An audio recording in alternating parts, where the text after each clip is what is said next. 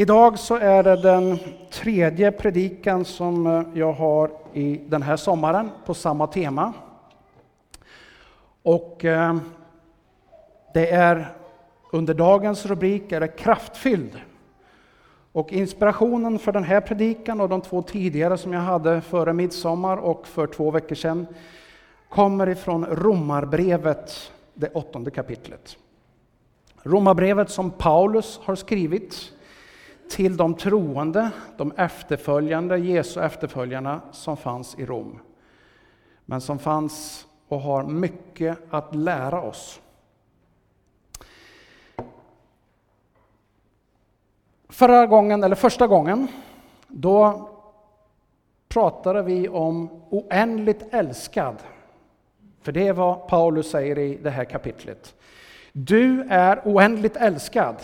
Och så säger han att du är så älskad utav Gud så att det finns ingenting på jorden, i himlen, det finns inga makter någonstans som kan förhindra den Guds kärlek. Den kärleken som är så stor så att till och med Guds egen son Jesus Kristus är beredd att dö för att sen uppstå. Det vill säga att det bästa Gud hade, det var han beredd att betala för att uttrycka sin kärlek till dig och mig. Det var det vi ägnade första söndagen åt. De här bilderna här, ja, vi kan stanna kvar på de bilderna där de, de visar blommor, ungefär som ett uttryck. Du vet att om du vill visa din kärlek eller uppskattning för någon så är det ganska vanligt att vi överlämnar en blomma. Och ibland gör vi det här i kyrkan, vi överlämnar en ros till de som är nya och har kommit med i församlingen. Ibland så kanske du ger en ros eller en blomma till din käresta som ett uttryck för din kärlek. Och de här blommorna pratade vi om som ett, ett utav Guds tecken. Jag älskar dig. Utsträckt till alla människor. Vi tar nästa bild. För två veckor sedan då pratade vi om att Jesus, Gud, har gjort oss fri.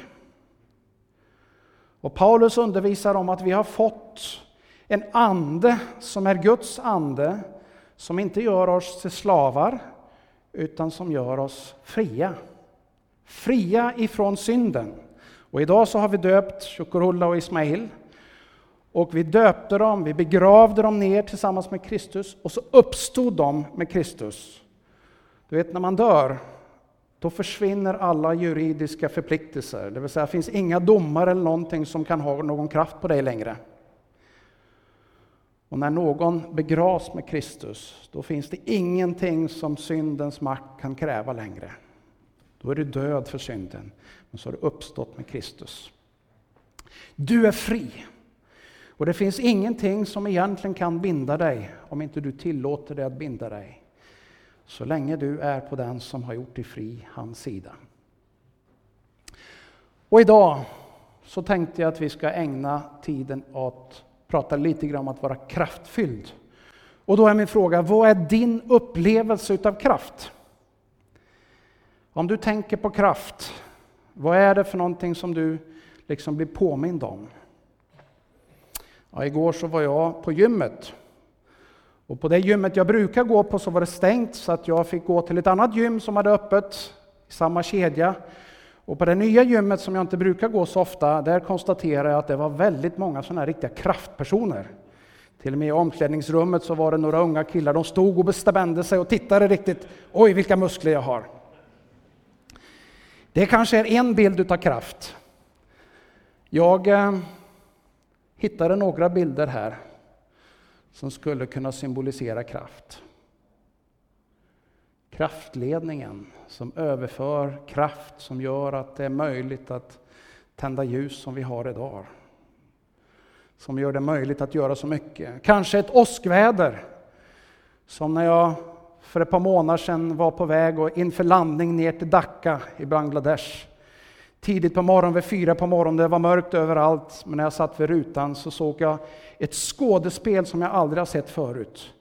Utav åska och blixtar som lyste upp hela himlen. Krafturladdning. Helt makalös.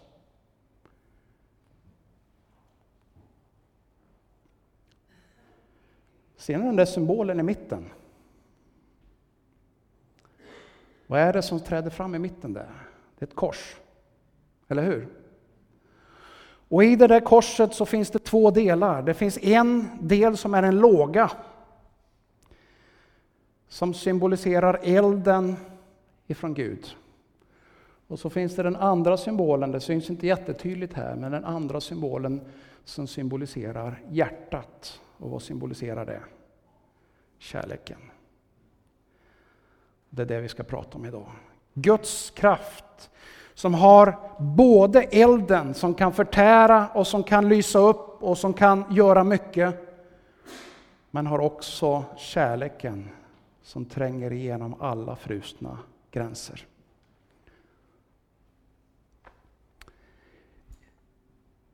Om vi läser Romarbrevet så börjar Paulus med att uttrycka sig som så här.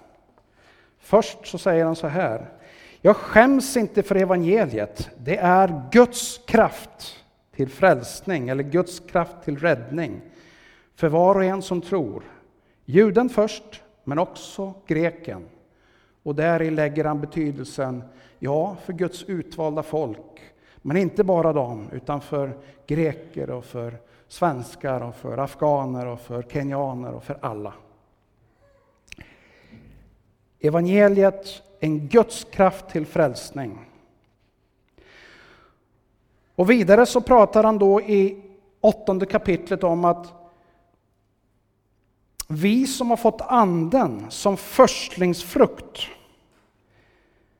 vi suckar i, inom oss och väntar på barnaskapet, på vår kroppsförlossning. Det vill säga att anden som förstlingsfrukt, anden som liksom första gåva, försmak på det rike, himmelrike, Guds rike som är i vardande.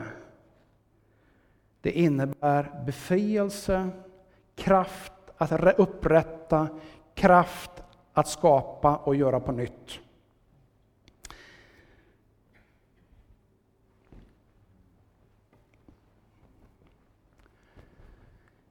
Jag vet inte vilken, vilket lag du har hejat på i fotbolls-VM. Nu är ju inte Sverige med längre. Så eh, det finns ju andra lag att heja på. Men visst är det väl så här att vi hemskt gärna vill vara den som hejar på vinnarlaget. Är det inte så? Ja, jag ser några som nickar. Till och med någon som säger jo. Mm. Vi vill hemskt gärna vara på den sidan som är segrare. Varför? Jo, därför att det finns någon form av kraft med att höra till vinnarna, till segrarna. Och ibland kan det vara så här att det som förefaller vara ett segerlopp inte alls blir det. Igår satt vi och tittade på, på löparna som sprang i London. Och så var det en ung tjej som sprang och hon kom långt, långt före alla andra. Och det såg ut som att ja, men hon måste ju ta hem segern nu. En 20-årig tysk tjej tror jag det var.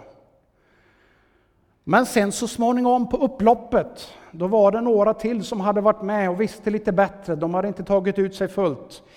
När det riktigt, riktigt gällde, då tryckte de på och så drog de förbi. Och så blev det en annan segrare.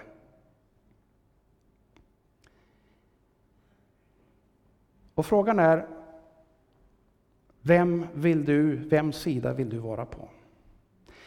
Det förefaller ibland som att Gud liksom ligger långt efter, någon annan ligger långt före. Men vet du, när historiens liksom skede drar sig mot sitt slut, då kommer vi att få se precis det som hände. För er som tittade på det här loppet, då såg vi att ah, men när det väl drog ihop sig, då var det någon annan som hade kraften. Det var någon annan som drog före och det var någon annan som var över mållinjen först. Romarbrevet talar om det här på ett lite annorlunda sätt. Vem kan anklaga Guds utvalda om Gud är den som frikänner? Vem är det som fördömer? Kristus Jesus är den som har dött, ja än mer blivit uppväckt och sitter på Guds högra sida och vädjar för oss. Vad kan vi nu säga? Om Gud är för oss, vem kan vara emot oss? Vår far, som Romarbrevet 8 uttrycker vi kan kalla för Abba eller pappa, betyder det. Han är på vår sida. Och han är den som har segrat en gång för alla. Vi ser det inte ännu. Det ser ut som någon annan kanske håller på att vinna. Men vet du, det är inte så. Det är Gud som är på vår sida och det är Gud som kommer att segra. Om du har bejakat, om du har valt att följa Guds sida, då kan jag försäkra dig om att då är du på rätt sida. Därför att det är segrande sidan. I historiets slutspel så kommer det visa sig att det är där som den verkliga kraften finns. Vi skulle prata om anden, den heliga ande. Och eh, vad är då den heliga ande? Ja, Jesus säger så här i Johannes 14. Om ni älskar mig håller ni fast vid mina bud och jag ska be Fadern att han ska ge er en annan hjälpare som ska vara hos er för alltid. Han ska påminna er, han ska undervisa er, han ska ge er ord när ni behöver det. Var inte rädda, ungefär så säger Jesus. Jag lämnar min frid. Min fridfulla ande lämnar jag till er för att ni ska bli uppfyllda utav frid. Andens frukt, säger Galaterbrevet, är tålamod, kärlek, frid, tålamod, vänlighet, godhet, trohet, mildhet, självbehärskning. Och så säger Romarbrevet 8 så här att så hjälper anden oss i vår svaghet. Visst är det väl gott? När vi är svaga, då är anden stark. Alltså Guds starka ande som kan få sin plats i ditt liv på ett speciellt sätt. Guds starka ande hjälper dig. Vi vet inte vad vi borde be om, men anden själv vädjar för oss med suckar utan ord. Och han utforskar hjärtan och vet precis vad anden menar eftersom anden vädjar för det heliga som Gud vill.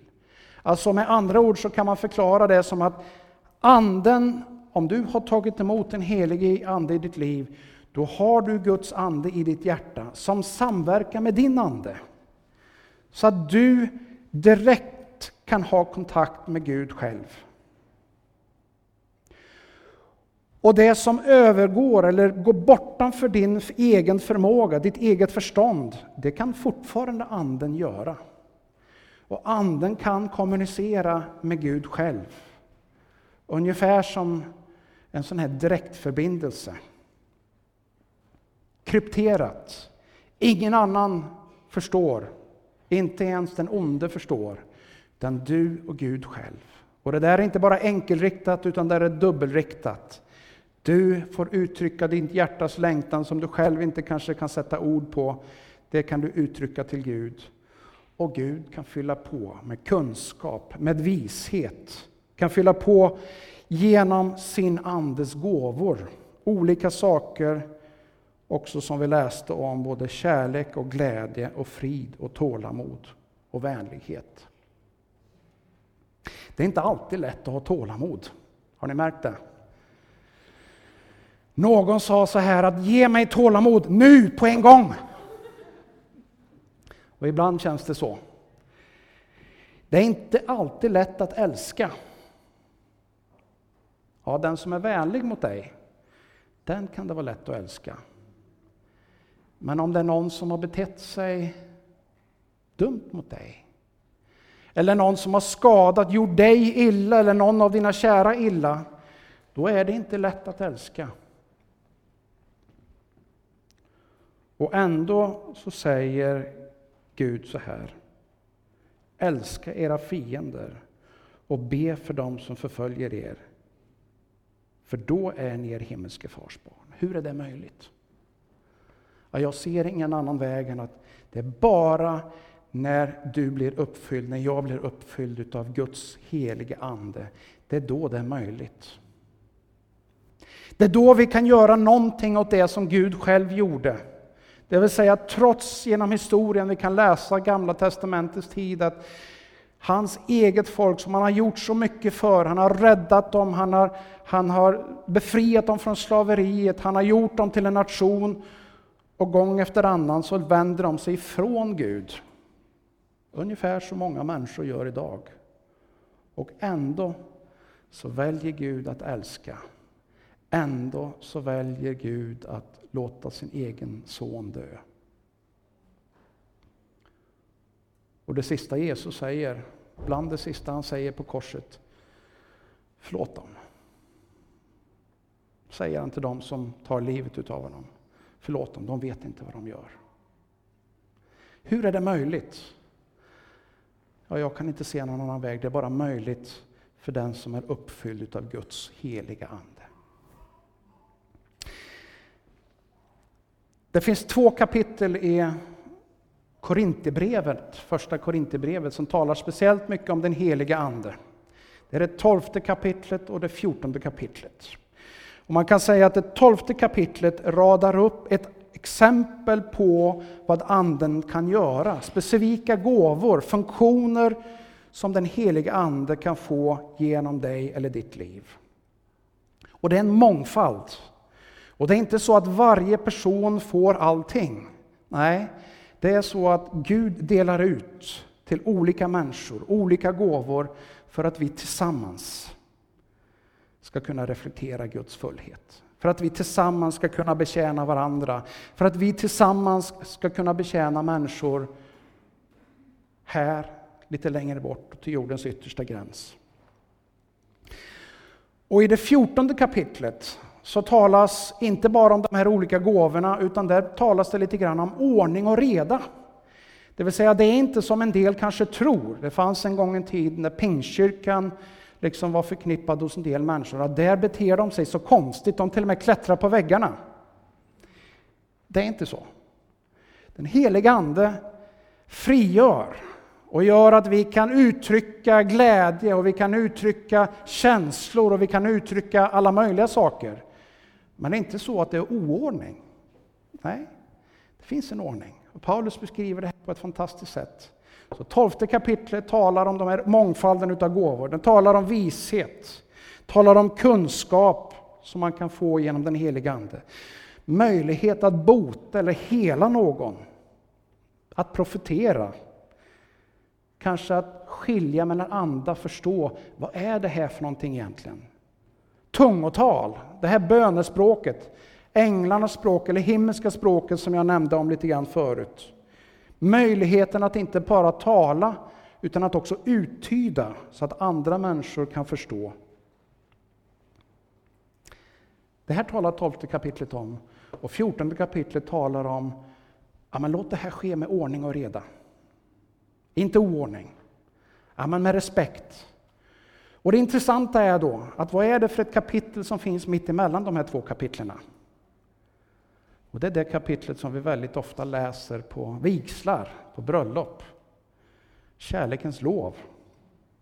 Och jag tänkte att jag ska läsa det för er här nu. Det är skrivet, inte i första hand som ett vigseltal. Det här är skrivet som centrum av den heliga Andes verk. Kom ihåg det. Det här är skrivet mitt i ett sammanhang där Paulus undervisar korinterna som längtar efter mäktiga saker, förunderliga saker. Och liksom det händer mycket i den här multikulturella, mångkulturella staden Korint. Så undervisar de anden och mitt i det, centrum av det, så säger han så här. Om jag talar både människors och änglars språk men inte har kärlek är jag bara en ekande brons eller en skrällande symbol. Om jag har profetisk gåva och vet alla hemligheter och har all kunskap, om jag har all tro så att jag kan flytta berg, men inte har kärlek, så är jag ingenting. Om jag delar ut allt jag äger och om jag offrar min kropp till att brännas, men inte har kärlek, så vinner jag ingenting. Kärleken är tålig, mild Kärleken avundas inte, den skryter inte, den är inte uppblåst. Den beter sig inte illa. Den söker inte sitt. Den brusar inte upp. Den tänker inte på det onda. Den glädjer sig inte över orätten, men gläds med sanningen. Allt bär den, allt tror den, allt hoppas den och allt uthärdar den. När den heliga Ande kommer och landar i ditt och mitt hjärta, då är det med den här andemeningen. Då är det en kärlek som inte söker sitt i första hand.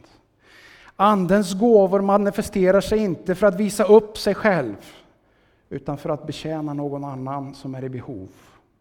En profetisk hälsning syftar till att lyfta någon annan, att hjälpa någon att hitta rätt, kanske.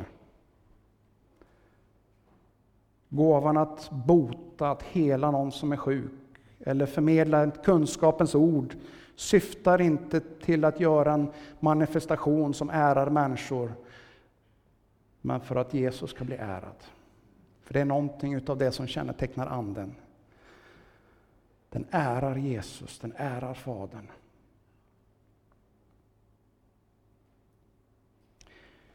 Den som inte älskar har inte lärt känna Gud, för Gud är kärlek. Säger första Johannes brev. Och jag tänker så här att nej men, om det är så, då behöver jag verkligen den heliga Ande. Om det är så att få fatt på det där, att orka älska också den som har förföljt mig, att orka älska också den som hotar mig att döda mig, bara för att jag har valt att döpa mig här. Om jag ska orka älska den eller de människorna, då behöver jag den heliga Ande. Om jag ska orka och ha tålamod med människor som gång på gång faller, och som säger han, jag ska göra det här, och så gång på gång faller de igen. Kanske på grund av ett missbruk av något slag. Ja, men då behöver jag den heliga Ande. Och om jag ska orka själv att leva ett liv som Jesu lärjunge, då behöver jag den kraften. Hur får jag den kraften? Ja, vi läste i inledningen här. Den som omvänder sig, låter döpa sig, får sina synder förlåtna. Och så får vi den heliga Ande som gåva. Det vill säga att löftet är givet. När du har tagit emot Jesus, när du har låtit döpa dig, då har du det löftet. Anden är given till dig. Men säger du, jag har ju inte upplevt någonting. Nej, så kan det vara. Och då är det så här att anden är ju till för att hjälpa dig att fungera. Det är inte så att anden är en sån här medalj på något sätt. Den heliga ande är till för att hjälpa dig att fungera. Och väldigt ofta är det så att när du börjar ta steg, när du börjar praktisera det som Gud har lagt ner i dig, då kommer någonting, då händer någonting. Och när du söker den heliga Ande, då kan du få den här uppfyllelsen, den starka upplevelsen. Läser man i Apostlagärningarna så finns det exempel på människor som blev fyllda av den heliga Ande innan de har låtit döpa sig. Och så finns det exempel på dem som har låtit döpa sig men inte visste någonting om Anden och så får de den heliga Ande. Och man kan säga att det som är gemensamt är att ja, men jag längtar efter att få uppleva Guds kraft. Jag längtar efter att få bli fylld och jag längtar efter att få bli fylld för att vara med och tjäna. Apostlagärningarna 1 och 8 så står det så här att när den heliga Ande kommer över er, då ska ni få kraft. Det är Jesus som säger det. Då ska ni få kraft att bli mina vittnen, det vill säga tala om vem jag är, berätta om det jag har gjort, här, lite längre bort och till jordens yttersta gräns. När du öppnar ditt hjärta, jag vill, jag vill, och jag vill göra, jag vill ta ett steg, ja, men då har den heliga Ande möjlighet att fylla dig på ett alldeles speciellt sätt. Och för en del så innebär det att man börjar tala ett nytt språk. Man börjar tala på ett bönespråk som man själv inte begriper. Det är inte så konstigt. Det är inte så märkligt, men det är fantastiskt att få be. Och ibland så kan det bli som det blev för mig den där gången när vi satt här nere och bad. Och vi hade våra kära gamla japanska missionärer här, Eva och Birgit, som kunde japanska. Och så när vi bad tillsammans, efter en stund så sa de till mig, vet du att du har bett på japanska? Nej, sa jag, jag kan inte japanska. Jo, när jag hade bett i tungor så hade jag bett också inkluderat en mening på japanska som de behövde höra just då. Så kan det också hända. När vi söker, då kan vi bli fyllda av den heliga Ande. Apostlagärningarnas berättelser visar på lite olika sätt. Ibland kommer bara Anden och manifesterar sig, fyller. På pingstdagen står det att det såg ut som eldslågor. Och det lät mycket, det var som ett dån. Och folk hörde om Guds stora gärningar på alla möjliga språk. På ett annat ställe så står det att apostlarna lade händerna på de nytroende, de nyfrälsta, de nydöpta. Och så föll den helige Ande. Och det ska vi göra idag. Jag ska ge utrymme här om en liten stund att be för dig som längtar av att få bli fylld av den helige Ande. För första gången, eller kanske igen. Om du har varit med om det här för länge sedan, eller om du är en gammal person, så ska du komma ihåg det att det är liksom upploppet som gäller. Det är inte början som styr om du är en segrare eller inte. Det är liksom upploppet som gäller. Det vill säga att det är slut, det är från nu och framåt. Det är jättebra det som har varit. Men det är från nu och framåt, det är det som gäller. Och därför så finns det all anledning, vilket du är riktigt, riktigt ung. Själv var jag åtta år när jag fick uppleva Guds heliga Ande kom över mig på ett väldigt speciellt sätt och så har jag fått göra det gång efter annan. Och det är ingen kvalifikation, det är bara nåd. Det är bara Guds stora kärlek. Det är bara nåd och det gör att vi kan inte kvalificera på något annat sätt än att Gud kom. Fyll mig. Jag förtjänar det inte, men av din nåd vill jag ta emot din kraft. Vill du ta emot den kraften? Vill du bli uppfylld av den heliga Ande som hjälper dig att göra det som annars är så svårt, som hjälper dig att göra det som annars är så omöjligt. Om en liten stund ska vi be. Fundera i ditt hjärta. Vill du bli fylld igen på ett nytt sätt? Kraftfylld. Kraftfylld med han som är på din sida. Gud, tack för ditt ord. Nu ber vi dig bara att du ska komma och tala till oss. Jag ber Herre att du ska ge mod och ge längtan till den som verkligen vill bli fylld av dig. Ung eller gammal eller mittemellan. Kom och rör oss Herre. Kom och, kom och berör oss med din helighet och din heliga Ande. Jag ber i Jesu namn.